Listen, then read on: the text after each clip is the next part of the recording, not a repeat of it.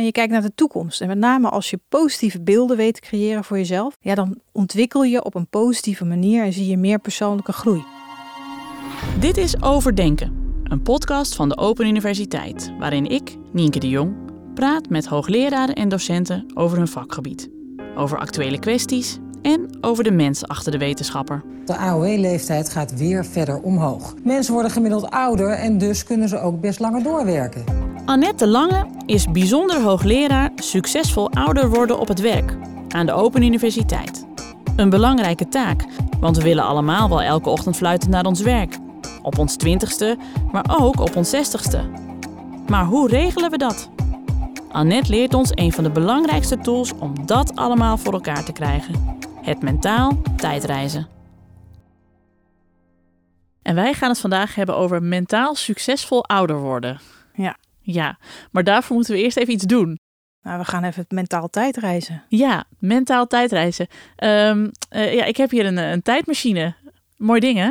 Ja, ik, het ziet er wel gammel uit, maar vooruit. Annette, waarom doen we dit eigenlijk? Waarom, waarom gaan we in deze tijdmachine? Nou ja, inmiddels eh, doe ik zelf onderzoek naar uh, succesvol ouder worden in relatie tot je werk. Een recent geschreven stuk over wijsheid en persoonlijke groei. Hè, dus hoe kun je de kracht in het ouder worden ontdekken.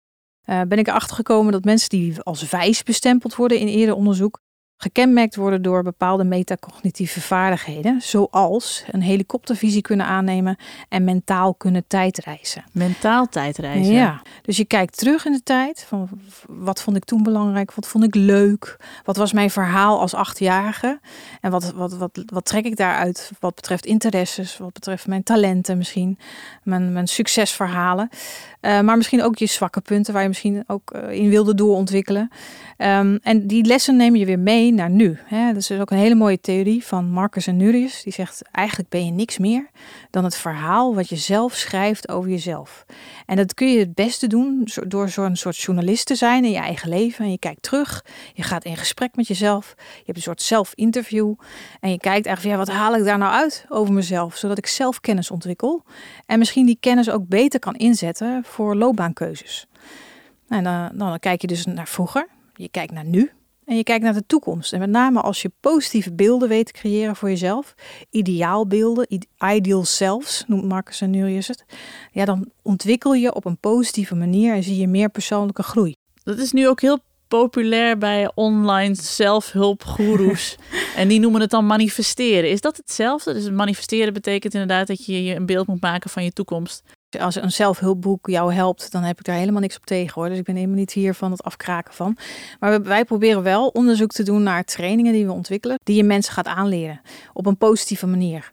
Uh, en daar doen we dan onderzoek naar van, goh, wat als we nou die training aanbieden en we doen een voor- en nameting, zie je dan dat mensen ja, betere resultaten laten zien. Wat betreft de kwaliteit van hun reflectie, of in de veerkracht die men voelt, of in de zelfeffectiviteit. En zelfeffectiviteit kun je meten. Dat is het geloof in eigen kunnen.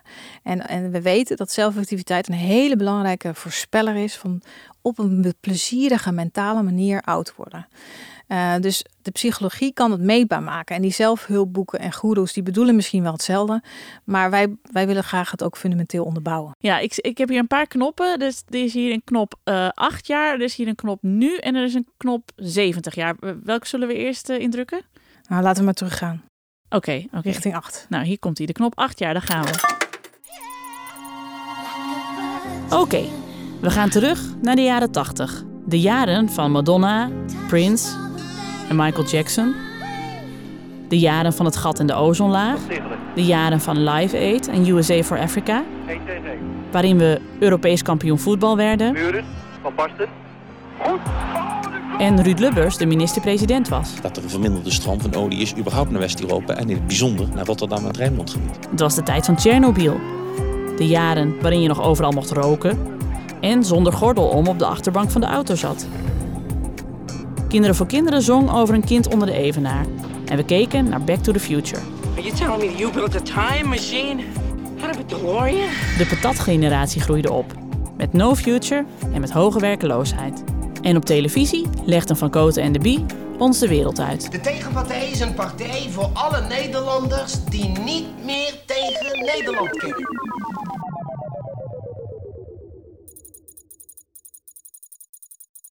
Annette, jij bent acht jaar. Wat wil je worden?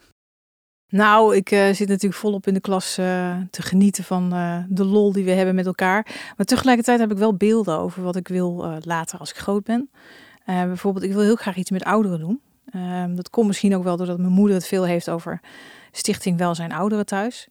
Uh, en praat over het welzijn van ouderen. En ik dacht van, oh, dat wil ik. Ik wil die verhalen horen. En ik ging in de straat al bij uh, oudere buurvrouwen en uh, buurmensen langs. En ging dan in gesprek om te ontdekken wat hun levenswijsheid was. Ik was eigenlijk op zoek naar wat is hun kracht in dat ouder worden en wat is hun verhaal. En ik dacht, als ik nou al die verhalen ga ophalen, dan word ik een van de meest wijze mensen. Want zij hebben al die wijsheid aan het einde van het leven misschien al in pacht. Dus jij was al gewoon een hele nieuwsgierige achtjarige. Ja, nou, ik vond het heel mooi om uh, inderdaad ook bij mijn eigen grootvader bijvoorbeeld. Die kwam elke zondag bij ons uh, op de koffie. En dan vertelde hij al zulke mooie verhalen over wat hij allemaal had meegemaakt uh, in zijn leven, in bredere zin. Maar ook in, zijn loopbaan, welke stappen die hij had doorgemaakt, hoe hij van een situatie van thuis, wat misschien financiële middelen weinig had, toch een hele mooie loopbaan wist te creëren. En de verhalen die hij liet zien van, goh, waarom is dat dan gelukt? En wat, wat kwam je allemaal tegen in, in positieve zin en negatieve zin? Ja, ik hang dan aan iemands lippen. Als achtjarige al, ja. Ik was als achtjarige, uh, wilde ik alleen maar bij Kinderen voor Kinderen. Dat was mijn grote doel en daar moest alles voor wijken. Maar tegelijkertijd wist ik, dat gaat nooit gebeuren, want ik woon te ver van Hilversum af. Maar toch, ergens had ik altijd de droom dat ze dan zouden bellen van we hebben nog één iemand nodig en we horen dat jij heel goed kunt zingen en je kent het hele repertoire al. Je mag toch meedoen. Dus dat is het enige wat ik wil. Dus ik vind het heel erg bijzonder dat jij al een idee had dat je met ouderen wilde praten. Nou, ik, ik danste wel op Kinderen voor Kinderen hoor, om je even gerust te stellen. Dus beide had ik wel... Uh... Oh ja, ik, ik, wilde. Oh ja. Jij wou nog meer? Nou, ik wilde ook journalist worden. Ik maakte zelf ook altijd boekjes. Ja, maar dat deed ik ook. Dus dat had ik precies hetzelfde. Ja, boekjes maken met, met zelfgemaakte verhaaltjes. Ja, ja. en dat, dat was een krant uh, voor in de straat had ik dat. Oh. Dus ik had mijn eigen column daarin en zo. De Heer de Straatkrant had jij. Zoiets. Ja. Jij stipte net al aan dat het dus belangrijk is dat je een positief verhaal over jezelf ja. schrijft. Ja. En dat is natuurlijk niet altijd van toepassing. Hè? Dus er zullen ook mensen zeggen: ja, net uh, is dat niet te wat rooskleurig. Hè, we zijn ook soms dingen die tegenvallen. Tuurlijk, we hebben een bepaald realistisch perspectief. We hoeven niet altijd te winnen in ons leven. We weten ook vanuit onderzoek dat als je bijvoorbeeld een tegenvaller hebt. John Lennon zegt altijd: Life happens while you're busy making other plans. Nou, het kan soms heel erg tegenzitten. En dat jouw plan, jouw verhaal, jouw ideaalbeeld even niet lukt. Dat kan door een sterfgeval, zelf ziek worden. Uh, significante levensgebeurtenissen. Vanuit de Open Universiteit mag ik daar ook onderzoek naar doen. ja, wat doet dat dan met jouw verhaal? Uh, uh, welke nieuwe betekenis kun je daaruit halen? En dat zag ik ook al in die verhalen als achtjarige die ik ophaalde bij de ouderen. Het is niet altijd rooskleurig. Maar als je wel een significante levensgebeurtenis meemaakt en toch desalniettemin betekenis daaraan kan geven, psychologisch. Zo van, nou, ik, ik heb het geïnterpreteerd, ik heb het een plek gegeven. Of ik laat het zoals het nu is. En je kunt vervolgens daar je lessen weer uittrekken. Wat betreft wat jij op dat moment belangrijk vindt. En hoe jij ideaal gezien weer verder zou willen ontwikkelen. Dan merk je toch dat iemand beter in staat is om met plezier aan het werk te blijven. Maar dit is, dit is het allerlastigste. Als jij een verhaal voor jezelf hebt bedacht. Of je hebt een bepaald punt waar je naartoe wil. En er gebeurt inderdaad iets, iets onvoorziens. Een groot verlies, een groot verdriet. Um, de, de, de mentale tijdreis die je anders wil maken, die lijkt dan vaak een soort van stil te staan. Omdat je zo in je verdriet zit dat je niet meer daar bovenuit kunt stijgen. Ja, en dan is het ook wel weer interessant om te kijken van hoe doen wijze mensen dat dan? Hè? Want die maken dus ook dit soort tegenvallers misschien mee. Ja, die zijn in staat om iets meer op afstand naar zichzelf te kijken. En zeggen, nou ja, ondanks dat dit gebeurd is, welke ja, positieve kanten kan ik nog inzetten? Of wat kan ik kracht uit mijn verhaal halen en bijvoorbeeld veerkracht ontdekken. dus dat je merkt dat ondanks je tegenslag je misschien uh, toch overeind bent gebleven of weer jezelf hebt kunnen herpakken. En ook daarin merk je weer dat als je psychologische coaching kan toevoegen, mensen kan helpen toch te kijken naar van wat is nu wel nog mogelijk, uh, dat je het perspectief weer verruimt. dus bijvoorbeeld soms kan het ook helpen om even de, ja, de teleurstelling even te laten zitten, even te laten liggen, te laten rusten misschien in dit geval. En weer positief te kijken naar van ja, oké, dat is gebeurd, maar hoe ziet jouw toekomst eruit? Kun je dat ook trainen, die helikopterview, zeg maar? Ja, in principe is mentale veerkracht en uh, zelfreflectie toe te passen. We hebben ook trainingen, zeg maar, die gebaseerd zijn op zelfmanagementvaardigheden trainen van mensen. En dan een van de oefeningen die heel simpel is, wat ik al zei, van uh, teken je verhaal op van vroeger, van nu en in de toekomst. En hoe je dat eventueel als ideaalbeeld naar de toekomst uh, zou kunnen omschrijven. Dat is even een voorbeeldoefening. Andere voorbeeldoefening is een soort levenswiel. Gebruiken we ook wel vaak om mensen bewust te maken van wat vind jij nu belangrijk? Wat, vind, wat zijn jouw interesses? Wat zijn jouw sterke punten? Waar maak je misschien nog zorgen over? En hoe kun je dan leren selecteren datgene waar je invloed op uh, uit kan oefenen? Hè? Dat er zijn dingen in je leven, daar kan je niet invloed op uitoefenen en andere dingen weer wel. En daar kun je als psycholoog heel erg bij helpen. Uh, dat je gewoon zegt, oké, datgene wat je wel kan beïnvloeden, uh, ga daar nou extra energie naar uit laten gaan. Dat je gewoon zegt, nou, ik wil eigenlijk iets in mijn werk gaan ontwikkelen. Ik wil eigenlijk meer ruimte creëren, bijvoorbeeld om weer meer te kunnen zingen. Uh, dat kan bijvoorbeeld zo zijn dat je dan je werkrooster gaat aanpassen, zodat je eindelijk weer kan zingen. Dus het zijn soms niet hele grootste dingen, het zijn soms kleine dingen. En dat zie je, noemen we ook wel nudging. Um, wat je vanuit de arbeids- en organisatiepsychologie mensen kan trainen en leren kleine veranderingen die je dichter brengen bij het doel dat je vroeger voor ogen had eigenlijk. Ja, We gaan weer even de, de, de tijdmachine in. Ik zie hier de, de, de middelste knop staat op nu. Oh, zullen we die eens even indrukken dan? Druk jij eens even op ja, nu. ik, ik doe hem nu, ja. We gaan terug naar het nu. Hoe keken mensen in de jaren 80 naar onze tijd? Wat verwachten zij van de toekomst? Die voorspellingen waren nog het beste te zien in het Huis van de Toekomst van Griet Titulaar. De afgelopen jaren hebben zo'n 3,5 miljoen mensen het Huis van de Toekomst bezocht. Het huis in Rosmalen dat in 1989 haar deuren opende... en waar de gewone Nederlander kon leren hoe zijn huis er over 30 jaar wellicht uit zou kunnen zien. Een huis waar bijna alles vol automatisch gaat.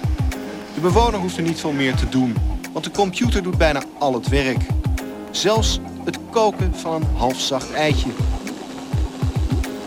De hoogtepunten van de rondleiding waren gordijnen die je met je stem kon besturen, een gescheiden afvalsysteem, een beeldtelefoon, een centraal stofzuigersysteem en een dienblad dat aan een rails het hele huis doorging.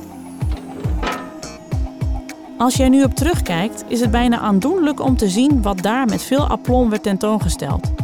Toen was een beeldtelefoon iets revolutionairs. De kinderen van nu weten niet beter dat je belt met beeld erbij.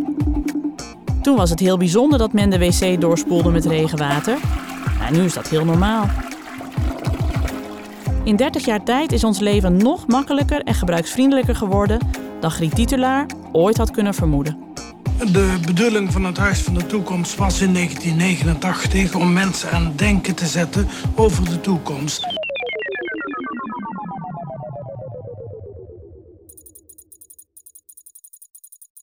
Hoe ervaar je dat nu? Die achtjarige die wilde bij Kinderen voor Kinderen. Is dat nog steeds zo? Is dat gelukt?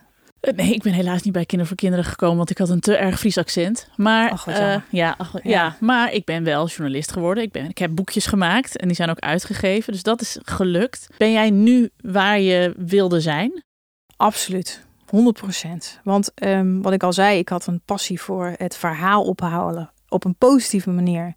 Rondom wijsheid van ouderen op het werk en buiten het werk. En daar mag ik nu als uh, bijzonder hoogleraar onderzoek naar doen.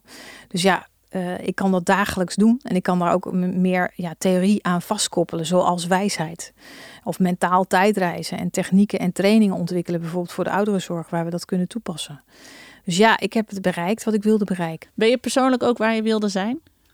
Ook, want ik had natuurlijk de droom van uh, een prachtige prins op het witte paard. Uh, dat had ik wel uh, als jong meisje ook al. En ik ben vrij snel op mijn 22e de liefde van mijn leven tegengekomen. Dat was op dat moment een jazzdrummer. Dat had ik niet helemaal bedacht, eerlijk gezegd. Maar bleek ja. een hele leuke aanvulling te zijn. Op een, als achtjarige denk je niet vaak aan jazzdrummers. dat is gewoon zo. Nee, nee. nee. Maar, maar, maar een absoluut hartstikke goede aanvulling. Want het uh, levert extra creativiteit op. En ook misschien lef om dingen te doen die je echt leuk vindt. Hè? Dus waardoor ik gewoon die bijzondere hoogleraarschap ook ben gaan opzoeken. Ik heb met hem een heel mooi leven op kunnen bouwen. Dus we hebben twee kinderen van 13 en van 10. En ik ben ook wel trots op het feit dat ik uh, ja, bewust gekozen heb voor een mooi gezin. Want ik weet nog wel dat ik één keer goed bedoeld een uh, leidinggevende had als wetenschapper. En die zei, nou ja, net als je een heel succesvolle loopbaan wil hebben in de wetenschap, kun je beter geen of heel weinig kinderen krijgen. En toen dacht ik, ja, maar dat klinkt niet wijs. Want uh, zeker aan het einde van je loopbaan en aan, je, en aan het einde van je leven is volgens mij familie op één toch wel hetgene wat je overhoudt. Hè? Dus uh, status, ja, dat is net als parfum, dat verdwijnt, dat verdampt. Het is nu leuk dat jullie met mij een podcast opnemen. Maar straks ga ik naar huis en dan wacht er een gezin op mij.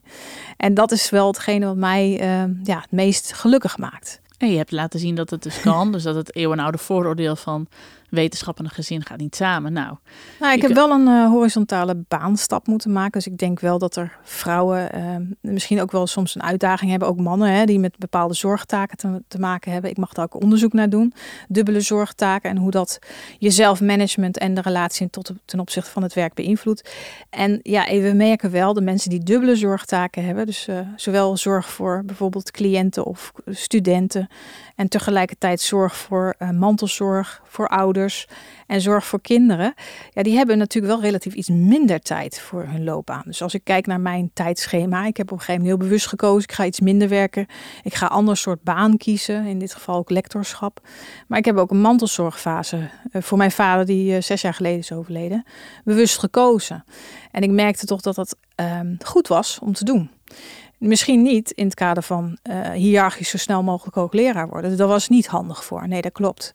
Maar ik denk dat dat ook het mooie is van het onderwerp wijsheid. Wijsheid zegt ook iets over uh, moraliteit en ook over uh, solidariteit en empathisch vermogen. En we weten dat mensen die op een prettige manier oud worden, in staat zijn om ook niet alleen maar aan zichzelf te denken, maar ook de balans te zoeken voor degene die hun dierbaar zijn. Of het kan een team zijn, dus je hoeft niet altijd een gezin te hebben. Maar als je in staat bent om zowel het perspectief van die ander, dus in mijn geval een kwetsbare vader, als van je eigen doelen, als je daar de balans in kan vinden, ja, dan, uh, dan bereik je een bepaald soort levens. En daar hoef, hoefde jij ook niet een helikopterview aan te nemen van ik ga nu mentaal tijdreizen om, om te kijken, oh ja, is het verstandig om voor mijn vader te zorgen? Ja, heb ik wel gedaan. Toch wel? Ja. Want ik dacht, dat is iets wat je heel intuïtief uh, bedenkt. Nou, ik denk wel dat ik op dat moment uh, dacht van, goh, uh, hij is kwetsbaar. Hoe lang zou hij nog leven? En hoe zou het zijn als ik terugkijk en hij is er niet meer? Dus het gesprek met jezelf in de toekomst. De 70-jarige ja. Annette uh... Ja, en dat gesprek leverde bij mij op. Ga maar ook bij je vader goed de verhalen ophalen. Want het is jammer als je straks onderzoek hebt gedaan bij heel veel mensen waarvan je eigen vader niet zoveel weet. Wat heb je, wat heb je van je vader geleerd? Familie op één. Ja. Ja. Wat mooi. Ja. Dat is dus, dat, dit is de Annette van nu. De Annette van nu is helemaal waar ze wil zijn. Ja. En meestal bij mensen, als je nou aan je carrièreplanning en zo doet, dan, dan kijk je misschien nog vijf jaar vooruit. Maar Um, blijf je ook op deze en deze hectische jaren, jij hebt ook een jong gezin, blijf je hangen in het nu. en is er weinig tijd om te ja, kijken naar. Ja, iets van overleven, joh. We moeten naar de hockey, naar de boodschappen, naar uh, wat moesten we allemaal nog meer? Ja, er was nog een deadline op je werk en die moest je nog halen. En dan uh, uh, ja. is nog een kind en dat heeft een verjaardagsfeestje, dan moet je nog een cadeautje Ja, precies. verkopen. Die is ook echt jarig. Tien wordt hij donderdag. Ja. Nou, precies. De, de dingen des levens mm -hmm. komen er doorheen. Ja. Um, maar we gaan het toch even proberen. Ik heb hier weer de, de, de tijdreismachine. Ja, inmiddels weet ik nou wat we moeten doen. We gaan op een knopje weer Ja, we, gaan, we hebben nog één knop over. Daar Ja. gaan we nu even naartoe. Oké, okay. Oké. spannend. Ja, dat is de knop 70. Nou, gaan we voor. Het is lastig om voorspellingen over de toekomst te doen zonder als een griet-titulaar te klinken. Het laatste nieuws op het gebied van de mobiele communicatie. Het zal een nieuwe rage worden na de autotelefoon. In dit toestelletje zit alles wat je nodig hebt. Er zit zelfs een accu in. De technologische snufjes die we nu heel revolutionair vinden, zijn over 30 jaar totaal achterhaald. Misschien hebben we dan allemaal een zelfrijdende of zelfs een vliegende auto. Bestaat er een pil waardoor we allemaal 130 worden? En gaan we met z'n allen op vakantie naar de maan? Klinkt gek en onrealistisch? Dat dachten we destijds ook van Griet en zijn gordijnen.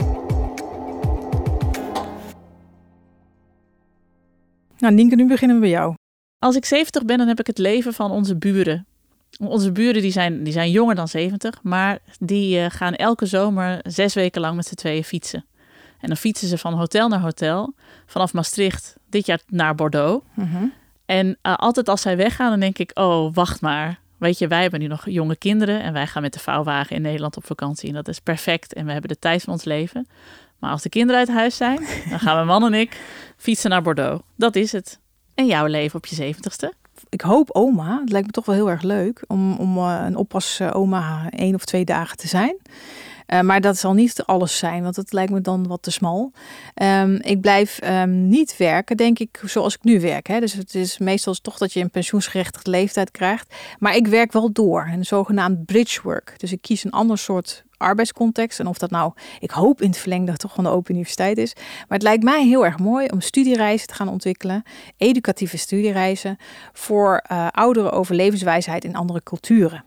Uh, en dan met name geïnspireerd vanuit de Blue Zones. Dat zijn de omgevingen waar mensen uh, opvallend hoge leeftijd bereiken, 100-jarigen. Bijvoorbeeld Sardinië is zo.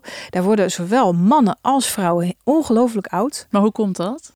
Nou ja, er zijn heel veel dingen. Hè? Dus ik ga even wat anekdotes die ik van Michel Paulin heb mogen leren. Uh, de ontwerper van Blue Zones. Hij zegt, ja, het zijn meerdere factoren, maar het heeft te maken met voeding, met klimaat, uh, met bepaalde uh, zingevende activiteiten die men daar in Sardinië ontplooit. En hij zei ook heel geheim, ze zijn ook heel passioneel nog met elkaar fysiek in love. Dus er zit een soort passie in die cultuur, waardoor men gemotiveerd is om door te leven. Dus daar, zitten meerdere dingen onder die cultuur schuil. Ja, dus, dus mensen die met ons mee mentaal tijdreizen. We zijn nu op Sardinië. Ja. En daar zit Annette uh, met haar uh, groep die uit, uh, uit Nederland is overgevlogen. Met, ja, een stukje te oreren in de zon, denk ik. In de zon. Ja. Helemaal gelukkig te zijn. Ja. Het is natuurlijk best lastig om vanaf nu, wat we net ook zeiden, vanuit je dagelijkse beslommeringen, zo'n lange tijdspanne te overbruggen, mentaal. Hoe, hoe doe je dat? Hoe maak je zo'n zo'n zo'n beeld voor jezelf? Nou ja, um, het helpt gewoon heel erg, uh, ook hier weer psychologische coaching. We hebben heel veel kennis, ook bij de Open Universiteit, over positieve psychologie. En dan gaat het echt alleen maar om coachen, met jou meedenken, mentaal jou te helpen om uh, te reflecteren. En we hebben allerlei oefeningen die heel laagdrempelig zijn om, om je op weg te helpen. He, dus iemand bewust te maken van datgene waar die ja, tegenaan loopt, wat hij wat belangrijk vindt, wat zijn interesses zijn. En daar heb je niet altijd hele ingewikkelde materie voor nodig. Maar voor en... mensen die, die, die gewoon denken, ja, mijn werk is mijn werk, ik haal er niet mega voldoening uit, maar zwaar betaal de rekeningen van mijn inkomsten en van mijn inkomen, prima. Um, hoe houden die zeg maar nog leuk tot hun... Uh, tot ja? Ik, ja, ik denk toch daar ook wel weer het gesprek aangaan van heb je weer een nieuw ontwikkeldoel voor jezelf kunnen, die, die leuk en motiverend is. En hoe kun je een toekomstperspectief voor jezelf schetsen die wel inspirerend is. Mensen die wijs uh, zijn en ook in staat zijn om zichzelf goed aan te sturen, dus hoog geloof in zelfeffectiviteit hebben, die zijn in staat om positief hun perspectief te verruimen. Hoe ruimer jouw perspectief blijft, hoe meer je geneigd bent om te geïnteresseerd te zijn in groei en ontwikkeling. En normaal gesproken zie je dat bij jongeren altijd aanwezig, want die hebben dus dat verruimd perspectief. Maar helaas, bij een aantal mensen rond hun 45ste en 50ste, zie je dat dat wat beperkter wordt. Omdat men denkt, oh, ik ga bijna met pensioen. Wordt ook soms vragen we expliciet naar jou, hoe lang mag je nog? En dat verruimt niet je perspectief. Dus je moet dan tegen die vragen en tegen die ja, ideeën in, moet je eigenlijk je perspectief opengooien. En we weten gewoon dat je dan meer plezier, mentaal prettiger oud wordt.